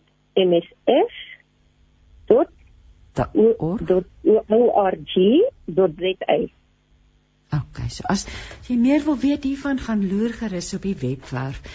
Deel ons passie vir die lewe op 657 Radio Kansel en 729 Kaapse Kansel. Jy luister dan met hart en siel. Ek is Christine Ferreira en ons gaan nou ons gesprek verder sit oor grense Daar was soveel reaksie nadat ek en Amanda die vorige keer 'n paar weke gelede gesels het oor die stel van gesonde grense om behoorlik as mens te kan funksioneer. Dat ek besluit het dat ons bietjie verder moet delf en dieper moet gesels, maar daar's nou eers 'n luisteraar, Christine Wilke wat vra uit watter Psalm het ek vanoggend gelees? Christine, dit was Psalm 32 vers 7 en 8 as jy weet dit wil lees en ek het uit die boodskap gelees en dan het 'n beetge vir gebed gevra um, en on, on, ons sal met liefde ook vir jou in in ons gebede hou en en hier is nou iemand wat sê baie dankie vir die mooi program elke dinsdag ek geniet dit baie dis iemand wat nie sy naam nie by is nie maar nou het ons vir Amanda op die lyn môre Amanda Goeiemôre Christine, hoe gaan dit? Dit gaan uitstekend. Die, die lente is hier in die noorde. Um ek was gister nog in die Kaap by my ma um in in Grootbrakse wêreld en toe was dit vreeslik koud. So ek is so dankbaar om terug te wees hier waar dit lekker warm is. Um Amanda, ja. daar was soveel vrae en belangstelling rondom ons gesprek en soos ek nou genoem het, ek wil dit graag voortsit. Ja. Ek kry die gevoel dat mense met grense sukkel. Um ja. dat dit iets is vir mense 'n moeilike ding is om te doen. So wil jy nie sommer net weer vir ons dit in konteks stel. Hoekom is dit belangrik vir ons mens wees om gesonde grense te handhaaf? Ek dink die belangrikste ding is om te verstaan dat grense beveilig jou emosioneel en fisiek en materieel. So daar is soveel aspekte van jou lewe waar jy kwesbaar is as jy nie gesonde grense daar het nie. Mense kan jou misbruik vir jou geld, vir jou tyd, vir jou emosies, vir jou besittings. Um as jy nie weet waarom te sê nee, jy kan nie hierdie aan my doen nie. En ons het so dikwels het ons die idee dat as ons vir iemand sê nee, dan beteken dit ons is arrogant of ons is dit of ons is dat. Maar ek wil net terugbring die hele tyd vir ons na daai plek toe waar die Here sê vir ons, ons is in sy beeld geskape. Hy vra ons om hom te eer met ons lewe. En 'n manier om hom te eer met ons lewe is deur onsself as waardevol genoeg te ag om onsself ook te eer en dit doen ons deur grense. As jy mens gaan kyk na um, jy dan nou verwys na Dr Henry Cloud en Dr John Townsend ja. se boek oor boundaries. Ek die boek is al in 1992 geskryf. Ja. En hulle ja. verwys so mooi na die grense wat God stel, die ja. reg deur die Bybel. God is 'n God van ja. liefde. Ja Maar as ook ja. daar word grense gestel. God, daar sekerre dinge ja. wat God van ons verwag en selfs Jesus wat wat homself een kant toe gevat het om die skare verlaat het, nee gesê ja. het. Um ja. so dit is nie dis nie 'n onbybelse konsep nie, maar ek wil nou vir jou vra die woord gesond en grense word dikwels saamgestel of wil jy nog vir ons ietsie sê oor die woord? Wel Nee, nee, dis dis reg. Ek meen daar's te veel teksverse om eers op te neem. Ek kan nie eens ja. begin nie. Jy weet, as jy gaan kyk na die Bybel dan sal jy sien dat die die die eer, die Here praat van eer, van eer mekaar. Hoe eer jy iemand? Jy eer iemand deur hulle nie te misbruik nie. Hoe eer jy jouself? Jy eer jouself deur jou nie te laat misbruik nie. Hoe eer jy God? Jy eer God deur so te lewe dat sy naam verheerlik word deur jou optrede. So dit is dis daai kan 'n mens se hele gesprek se eie maak, maar ek dink is belangriker vir ons om mense kan self daai gaan opsoek. Maar kom ons praat eerder oor hoekom grense belangrik is en oor daai beginsels wat ons laas gepraat het. So jy het my gevra oor gesonde grense. Die rede hoekom gesond ja. en grense saamgebruik word is omdat jy ook ongesonde grense kry. So jy kan Hoe lyk 'n ongesonde grens? okay, so daar's ongesonde grense word in twee kategorieë soos van geplaas. Die een is rigiede grense en die ander is poreuse grense. Okay? So kom ons kom ek sê vinnig vir jou wat is 'n gesonde grens? Gesonde grense is wanneer jy waarde heg aan jou eie opinie. Wanneer jy nie jou waardes ter wille van ander mense prys gee of kompromiteer nie. Wanneer jy jou persoonlike inligting op 'n toepaslike manier deel. Wanneer jy aanvaar wanneer ander mense vir jou sê nee of selfs ja. En dan 'n ja. rigiede grens is wanneer jy vir alles nee sê nie vir intimiteit, nie vir regte verhoudings, nie vir hulp, nie vir vriendskappe. Jy sonder jouself af, alles om jouself te beskerm. So jy het jou grense gestel, maar hulle is gruwelik ongesond. Want wat hulle voel amper vir jou muur bou dan. Dis, ja. Almal, want jy kry tog mense wat so mure om hulle harte bou. Ja, ja. So dit is 'n ongesonde grens. As dit is hoe jy leef, dan kan jy maar weet jy sukkel met rigiede grense. Kurieuse grense is weer wanneer jy te veel deel. Jy vertel vir almal jou diepste, jy pak al jou derms uit selfs wanneer niemand vra vir dit nie. Jy deel alles inligting. Jy jy alles, alles, alles is vir almal daar. Jy vind dit moeilik om vir mense nee te sê en jy kan ook nie hoor as iemand vir jou nee sê nie. Jy raak te betrokke in ander mense se lewens. Jy het altyd 'n opinie oor wat in iemand anders se lewe. Jy altyd iemand anders gaan red. Altyd iemand anders gaan help. Altyd 'n klip uit die pad rol vir iemand anders. Selfs al vra hulle nie daarvan nie. En jy word baie maklik laat jy laat toe dat ander mense jou of mishandel of minag. Jy aanvaar dit. Ag, dis maar hoe hulle is. Ag, sies tog, dis maar hoe hulle is. Hmm. Ek kan vaar dit maar dan het jy 'n porieuse grens. Jy laat toe dat mense eintlik maar wat dit is is jy jy laat toe dat mense jou vertrap en jy jy het nie die vermoë om jou eie interne grense te reguleer nie. So hierdie is 'n emosionele plek. Daar kort emosionele genesing ja. klink dit vir my as 'n mens Ja. Daai plek van Brie. Eintlik ja. al twee hierdie grense wat nie in plek is ja. nie, wat nie reg is nie. Dit is gewoonlik, dit is maar gewoonlik die rede hoekom ons met grense sukkel is ons het of nooit geleer hoe om dit te doen nie of ons het wonde wat maak dat ons het gebrokenheid in onsself wat maak dat ons of dink um, ons is nie veilig nie en dis hoekom ons muur ophef. Oprig bedoel ek of ons het uh, ons wil die hele tyd hê mense moet ons aanvaar. So daarom is ons bereid om 'n vloerlap vir ander te wees solank hulle ons net nie verwerp nie, solank hulle ons net aanvaar. En albei daai situasies is 'n kruitvat vir, vir grense. So ja, jy kan maar weet jy hoekom ek grense het. Amanda, ek wil nou vir jou vra ons is nooit as jy sê jy's nooit geleer om grense te kry nie of te hê nie is 'n voorbeeld daarvan 'n ouer wat 'n kind eintlik ek weet nie woord bederf gebruik nie maar daar daar word nooit vir die kind nee gesê nie. Leer ons dit nee. as kind? Hoe hoe werk dit jy leer dit op twee maniere. Jy moet leer as 'n kind dat jy mag sê nee So ek sien dit op die oomblik met my kleindogter. Sy's 3 jaar. Okay, sy sal as ek haar druk, sal sy sê nee, moenie aan my vat nie. Moenie my soen nie. Moenie my dit nie. Alles is nee, nee, nee, nee, nee. En sy voel nog 'n veer vir enige iemand anders se nee. Al wat sy maak vir is haar nee.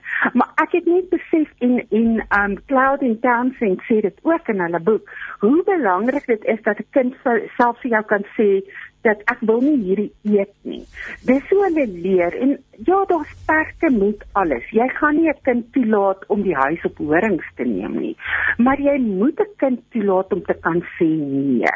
En baie keer, jy weet veral ons wat ouer is, ons het groot geword in 'n era waar 'n kind nie die reg gehad het om nee te sê nie.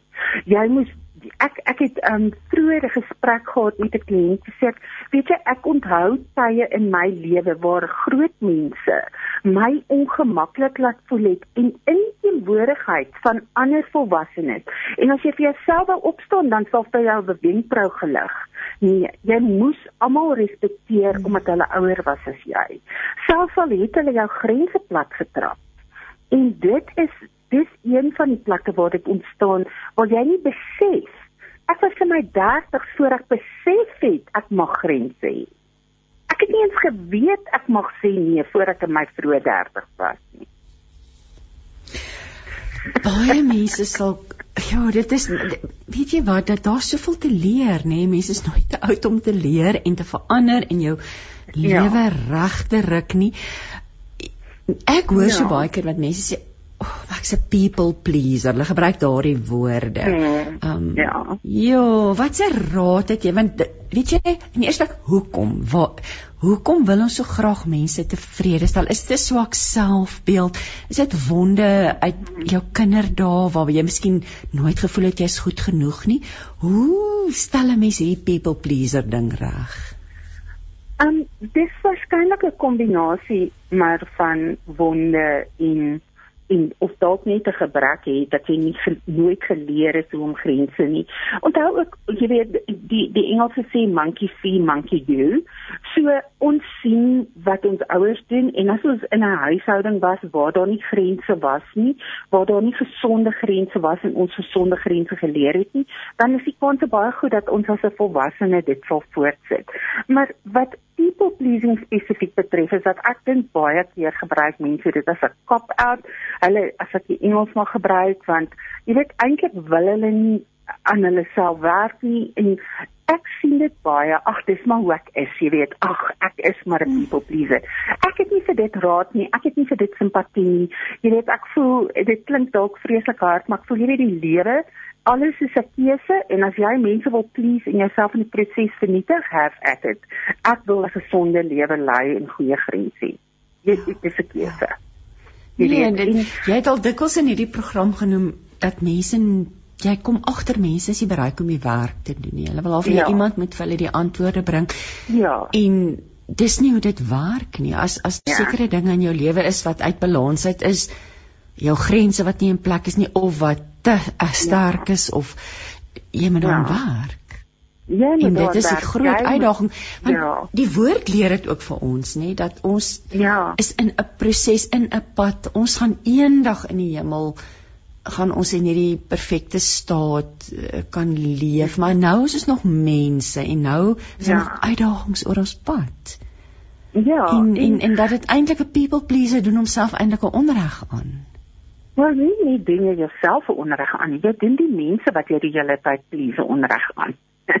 Want jy is nie noodwendig eerlik nie, nee. Jy stel jy is nie eerlik nie. Jy stel hulle in staat om jou te misbruik. Jy jy laat hulle sondig. jy skep 'n situasie waarin hulle ook nie die Here eer nie. So, jy weet, dit is daar's niks omtrent people pleasing wat goed is nie. En ons moet die verskil kan sien tussen werklike dienslewering met 'n 'n hart wat diensbaar is. En ek is te bang om nee te sê want net nou vra hulle my nie weet nie of net nou wip hulle hulle vir my of net nou jy weet sien ek hulle net nou is hulle nie lief vir my nie dit is ek wil daai onderskeid tref. Ons praat nie van sê nee vir liefdevolle opregte, hmm. gesonde dienslewering nie. Dis nie waarvan ons hier praat nie. Kom ons maak daai onderskeid baie duidelik sodat daar by niemand enige twyfel is dat dit nie is waarvan ons praat nie. Ons praat daarvan dat jy jouself konstant in 'n posisie sit waar jy mense toelaat om jou te misbruik, waar jy waar jy op 'n punt kom waar jy voel jy kan nie eers jou eie lewe gelei kry nie want jy's almekaar besig. Hierdie ene vra vir jou daai en almal sê ag jy so ag ons weet ons kan altyd op jou knoppie druk. Nee, jy kan nie altyd op my knoppie druk nie. Partykeer is my knoppie ontkoppel. Moet jy iemand anders kry om se knoppie te druk. En dit is en om daai om te kan weet jy kan sê nee, jy mag sê nee en jy is nie verantwoordelik vir die ander persoon se reaksie nie. Dis op hulle. Hoe hulle jou nee vat is nie op jou nie, dis op hulle. Kom ons praat 'n bietjie meer in diepte oor die stel van grense binne die familie want is ek reg om te sê dat families is geneig om dan of, ja, hierdie reëls te verbreek en te dink omdat jy familie is, kan jy maar sê en doen wat jy wil. So kom ons praat 'n bietjie want daar's tog toksiese grense en toksiese dinge ook binne families wat ja. wat, wat met grense te doen het. So ek dink weer eens kom dit meer oor wat is daai familie se neiging? So hoe het julle groot geword? Wat is die algemene Ek ken ook families met baie gesonde grense waar mense dit nie sou doen nie, waar mense mekaar deurentyd met respek ja. en liefde en eerbaarheid behandel, nê. Nee. So as jy in 'n situasie is, 'n familiesituasie is waar dit nie gebeur nie, dan moet daar vir jou rooi slag opgaan en jy moet besef, weet jy wat, ons as familie het nie grense nie. Ons het nie goeie grense nie teenoor mekaar nie.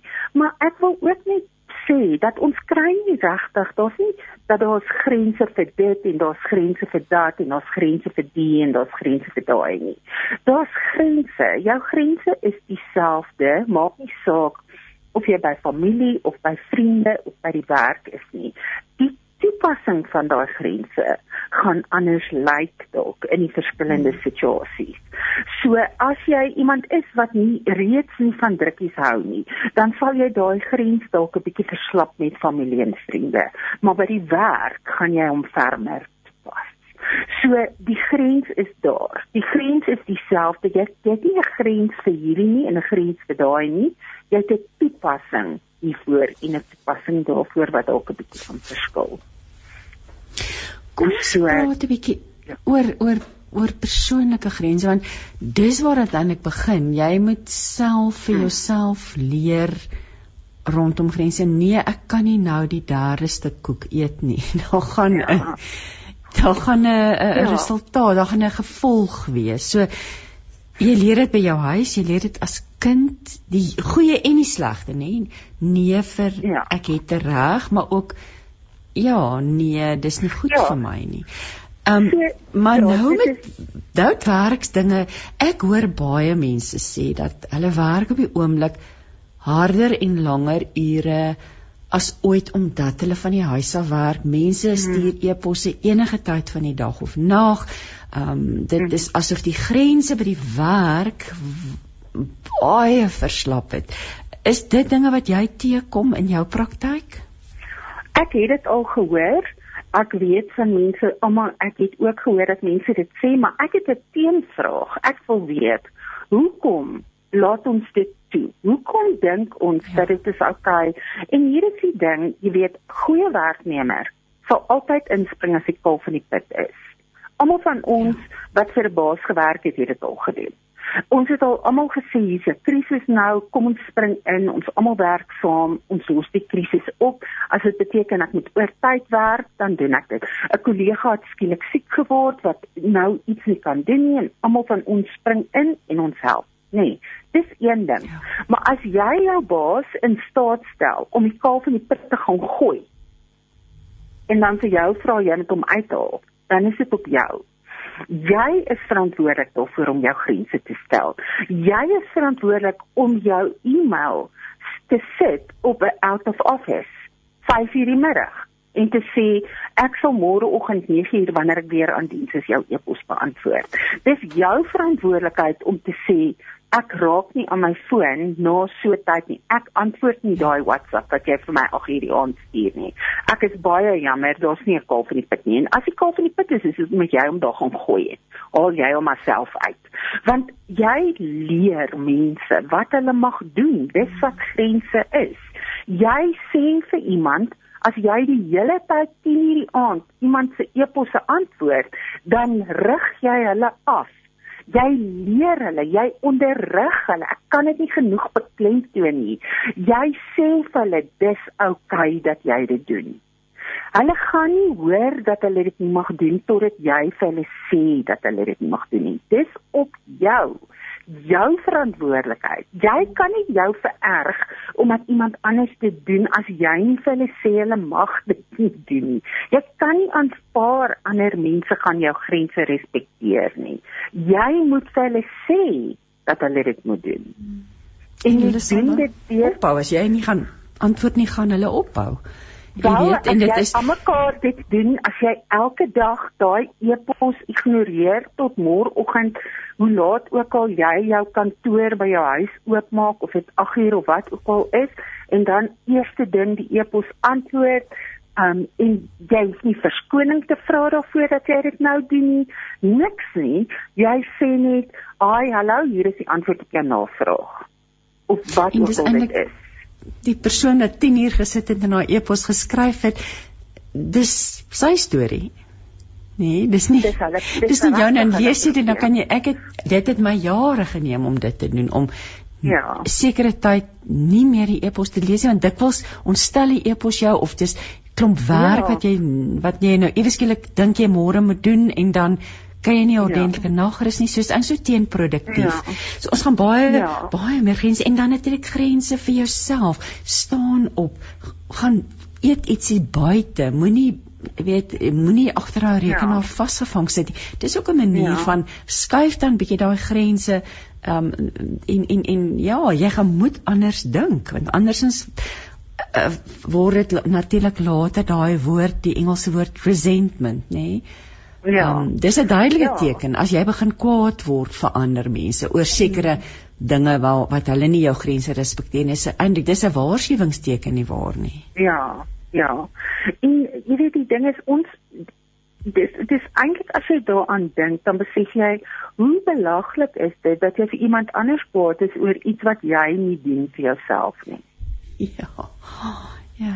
Jy, jy jy kan nie, jy kan nie. En jy weet ons ons praat as weer eens met werk. Ons praat nie van 'n werklike krisis nie. Werklike krisisse gebeur. Maar ja. dan gaan jou baas in alle waarskynlikheid nie vir jou 'n e-pos of 'n WhatsApp stuur nie. Hy gaan waarskynlik die foon optel en bel en sê luister, hier is nou 'n krisis. Ehm um, kan jy help? Jy weet, so ons ons moet ook evalueer wat is dit? Want ons ons wil ook nie ons grense so rigied maak dat ons 'n werklike krisis ignoreer omdat nie ek praat met iemand na 8 in die aand of na so laat 5 in die middag I'm sorry ek nou af. Ons wil ook nie dit so rigied hê dat intussen is daar 'n werklike krisis aan die gang nie. En nou ignoreer ons dit nie. Ons wil ook nie dit doen so daar so is wysheid. Ons het wysheid nodig om te verstaan wanneer gaan ons 'n grens verslap ter wille van 'n spesifieke situasie en dit toelaat in 'n spesifieke situasie in spesifieke omstandighede op 'n baie spesifieke manier en wanneer gaan ons daai grens behou en sê nee ek is jammer nie vandag nie boetie Wysheid en insig Amanda dit klink vir my is die uh, die sleutels en die woord ja. bring vir ons ontsettend baie wysheid. In hierdie einste uh, Townsend and Cloud se boek praat hulle dit was vir my nogal in insiggewend we are responsible to not responsible for en dis 'n ja. moeilike onderskeid wat ons nie altyd En hulle verwys ook na 'n mens dra 'n pakkie. Elke ou het sy pakkie. En me, party ja. mense is geneig om hulle pakkies nog bo-op hulle groot klippe bo-op jou rugsakkie te laai. Ja. En want hulle wil dit self dra nie, dit is nie lekker nie. so dis 'n ding, dis 'n groot onderskeid wat wat Ja. In die Bybel sê ook jy moet jou naaste lief hê soos jouself. So die self ja. eerste beskerming, daar lê ook beskerming, 'n grens beskerm ons. Ja. Uh, uh, in die, in die werklike ja. wêreld, jy weet, uh jou muur of jou of jou wat ook al om jou dit beskerm. Kom ons praat 'n bietjie. Ek het nou die woord muur gebruik. 'n Grens is nie 'n muur nie. So grense nee. kan ook wissel, dit kan verander, so situasies verander. Ehm um, ja. so kom ons praat 'n bietjie daaroor.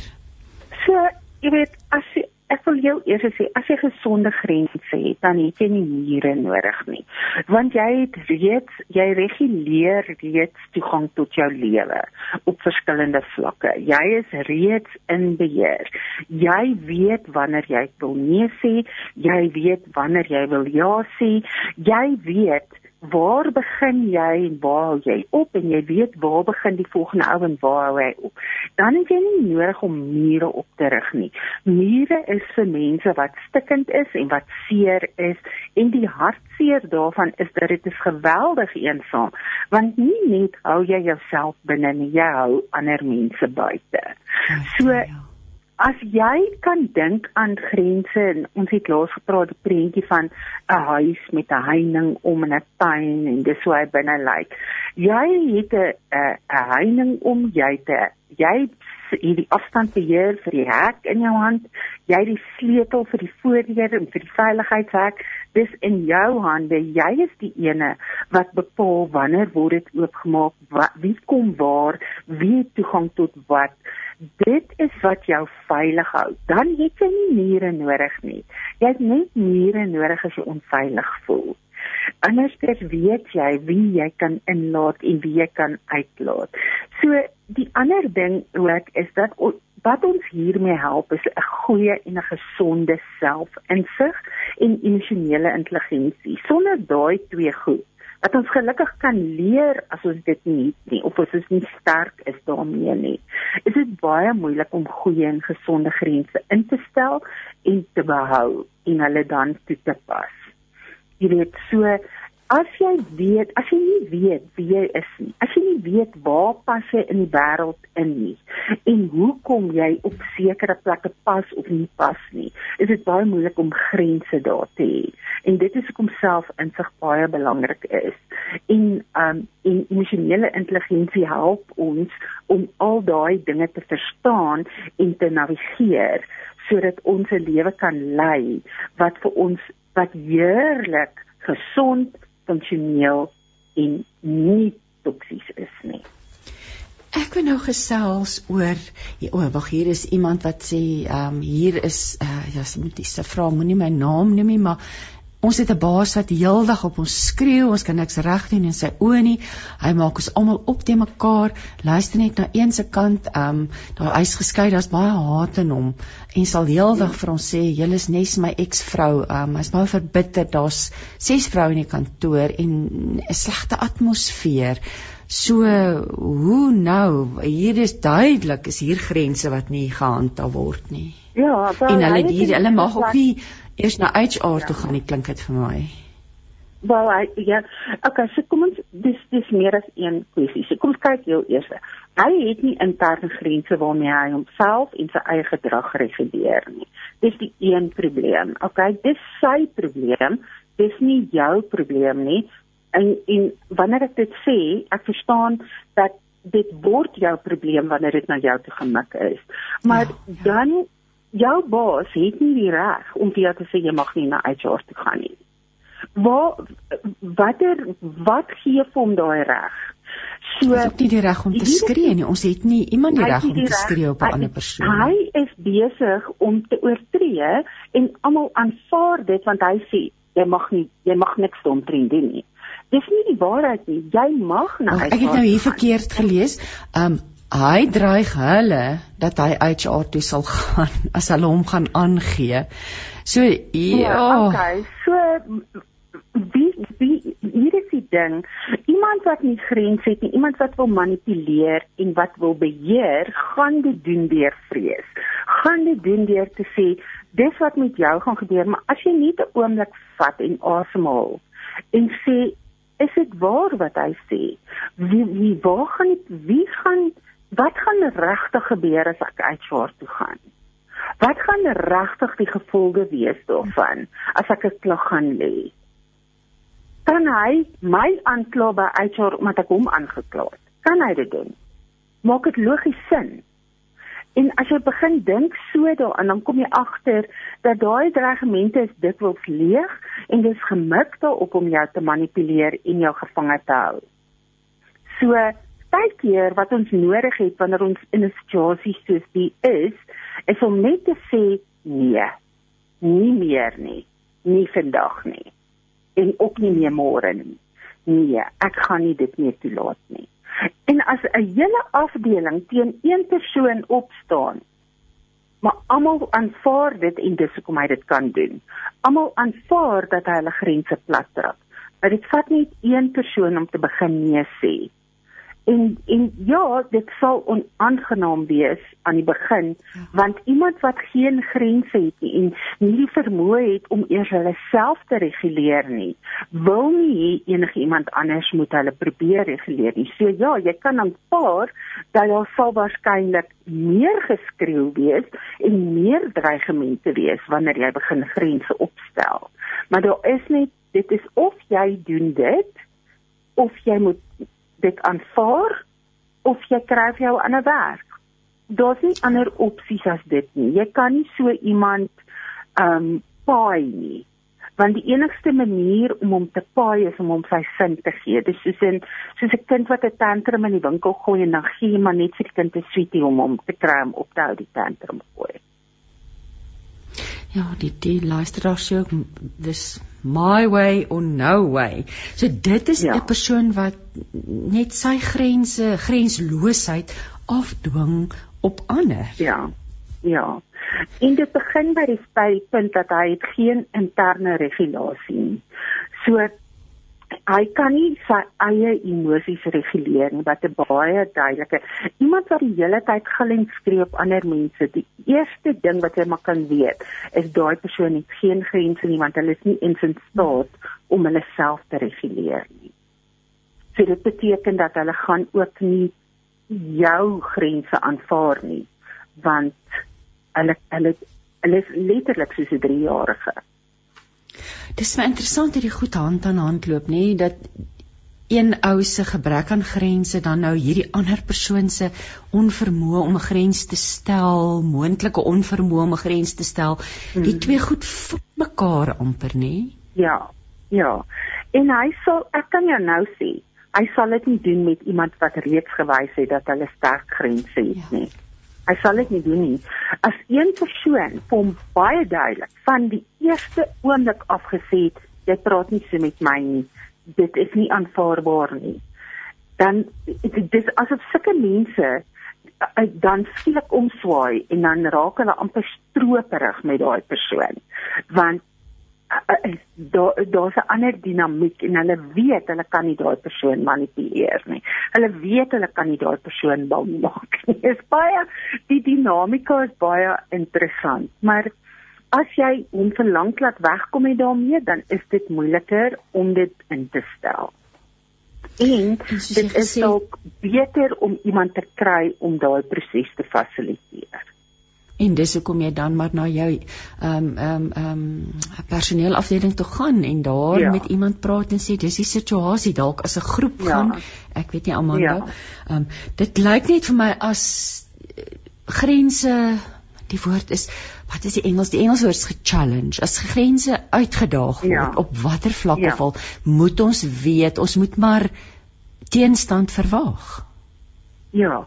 As jy nooit sterk grense of gesonde grense gehad het nie en jy begin met die proses om dit in te stel, kan jy maar weet dat dit gaan moeilik afgaan by die mense wat dit wat jou gewoonlik misbruik het of uitgedaag het. Hulle gaan sukkel daarmee maar hoe meer jy en en en jy sal ook as vir enige iemand wat um clouding dancing se boekie sal sê sal sien dat een van die dinge wat hulle geweldig beklemtoon is dat altyd moet jou grense wat jy stel met liefde en respek gepaard gaan. So jy doen dit nie op 'n onbeskofte manier nie. Jy's altyd vriendelik. Jy's altyd uh ja. respekvol in die manier. Weet jy, um hierdie is nie vir my aanvaarbaar nie hoor. Ek ek laat nie iemand met my jy gou nie terug nie. Want die oomblik wanneer jy ja. terugskree dan wys jy jy het ook nie inter, interne reguleerder nie. Jy het ook nie 'n grens wat vir jou sê ek tree nie so op nie. En almal van ons het al kop verloor in 'n situasie maar ek praat nie van daai nie. Ek praat van op 'n gereelde grondslag. So die beste manier is om net vriendelik te sê of ferm te sê weet jy ek sal weer ek het een keer het ek vir iemand wat op my staan en skree gesê um ek sal later met jou praat wanneer jy rustig is maar ek gaan nou loop. En ek het net omgedraai en weggeloop. Ai die die persoon sê hulle het al 22 klagtes teen hom en niks word gedoen nie. So dit voel vir my Amanda ja. hierdie persoon moet maar dan, self grense ja, stel beskerm ja dit is jy weet dit is ook moeilik om werklik kommentaar te lewer op op so 'n ja. situasie ja. want jy weet nie ja. al die feite nie. Jy weet, ja. so dis dis baie moeilik om dit werklik te evalueer. Um 'n mens het baie baie meer inligting nodig as daai ja. om om werklik 'n evaluasie te maak. Maar dit is of wat ek net kan sê dis duidelik dat daar is nie grense na na alle kante toe nie en dat die situasie plek waarskynlik fasilitering nodig het. Ek dink nie dit sal net sommer so opgelos kan word nie. Amanda, laaste uh, kom is vragie aan jou. Verant, om verantwoordelikheid vir iemand te aanvaar, moet jy dit in liefde doen. Wat wanneer wat gebeur as jy op 'n ongesonde manier verant, verantwoordelikheid vir iemand anders aanvaar? Bly dit liefde? Ek dink nie dis liefde nie, want wat jy doen is jy jy weet die ek sukkel om op die die uh, Afrikaanse woorde kom. Wat jy doen is jy enable.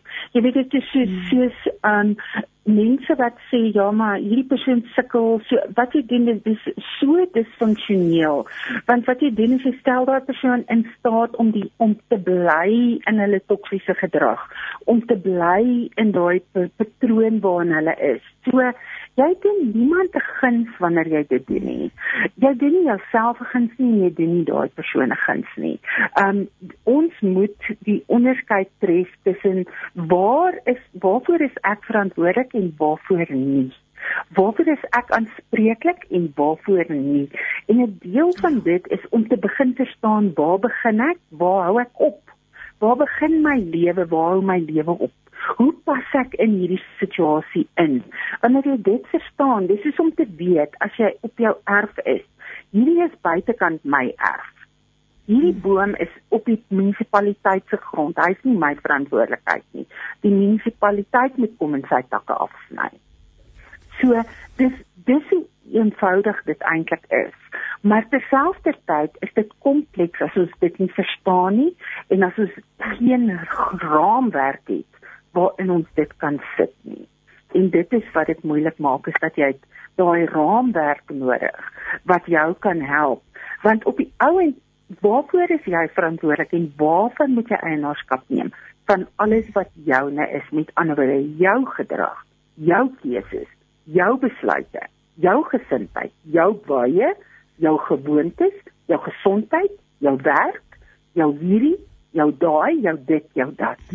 So dit is jou reis deur die lewe waarvoor jy verantwoordelikheid aanvaar. Amanda, jy verwys na Psalm 139 is heeltemal te lank om om te lees. Ja. So jy moedig ja. luisteraars aan om Psalm 139 139 te lees in die konteks van grense stel. Ja. Die rede hoekom ek dit sê, is gaan kyk wat het die Here gedink en gevoel toe hy jou gemaak het en sê dan vir my dat hy dink dat dit oukei okay is dat mense jou misbruik of dat jy ander misbruik. Want ek sien dit nie. Ek sien daar dat hy hy soveel moeite gedoen het om jou aan mekaar te wees met spesifieke gawes, spesifieke talente, 'n mm. spesifieke roeping, 'n spesifieke lewe, 'n spesifieke plan vir jou. En dit gel nie vir my met die idee van dat dit is oukei okay dat mense oor my trap nie. Dit is dit dit maak nie vir my sin nie die twee goed. Dit sluit dit vir my uit. Daai alleen as ek sien sy toewyding aan my en die manier waarop hy my gemaak het. Dit vra vir my dat ek my rug sal styf maak en myself sal respekteer soos wat hy my respekteer. Absoluut, want jy is kosbaar in die Here se oë. Ja. Ek Amanda, ons is aan die einde van ons tyd. Kontak detail asseblief. Dit gaan so vinnig. Um, so, dit gaan baie vinnig. So as ek net vinnig kan noem Christine, is dat ek 'n werkswinkel beplan vir 6 weke om mense te leer om grense te stel. So dit sal vinnig as ek vinnig kan noem die evaluasie van ja? jou bestaande grense wees. Dit sal ons sal kyk na die verskillende tipe grense uh, met anderwoorde materieel, fisiek, geestelik, emosioneel, intiem, spiritueel en dan intern die beginsel van goeie grense, die toepassing van grense en struikelblokke en dan ook 'n evaluasie van nuwe grense. So dit sal 1 uur per week wees oor 6 weke in die aanlyn uh, aanlyn wees ja. Ek gaan 'n baie beperkte hoeveelheid mense hê. Ek wil nie 'n groot groep mense hê sodat daar genoeg tyd is om individueel met mense ook uh, te gesels. Elke sessie sal bestaan uit 'n verduideliking 'n bespreking en vraatyd en dit val 60 minute tot 'n maksimum van 90 minute as ons 'n bietjie oor die tyd gaan, maar ons mik vir 60 minute en enige iemand wat belangstel daarin kan my kontak by 084 609 0344 of my e-pos amanda.dlange@gmail.com. OK, ons hardloop ernstigheid tyd tyd. So amanda.dlange@gmail.com as jy belangstel om deel te neem aan hierdie kursus. Daar is 'n koste aan verbonde, maar Amanda gaan al hierdie detail vir jou gee as jy ja. dan nou met haar kontak maak. Ek uh, die haar nommer en details sal ook by Radio Kansel se kliëntediens wees. So ek wil dankie ja. sê vir Woesie Leo vir ons ehm um, uh, tegniese versorging. Ek wil vir jou dankie sê Amanda vir jou tyd vanoggend. Ag en liewe luisteraar, ek sluit vir ons weer af met die stukkie uit Psalm 32 wat sê Hy het gesê ek is soos 'n onderwyser vir jou. Ek vat jou aan die hand om jou op die regte pad te lei. Ek sal jou elke keer die regte raad gee en ek sal jou oppas. Hou daaraan vas, hou aan hom vas en ons kuier weer volgende week lekker saam hierop met hart en siel. Totsiens.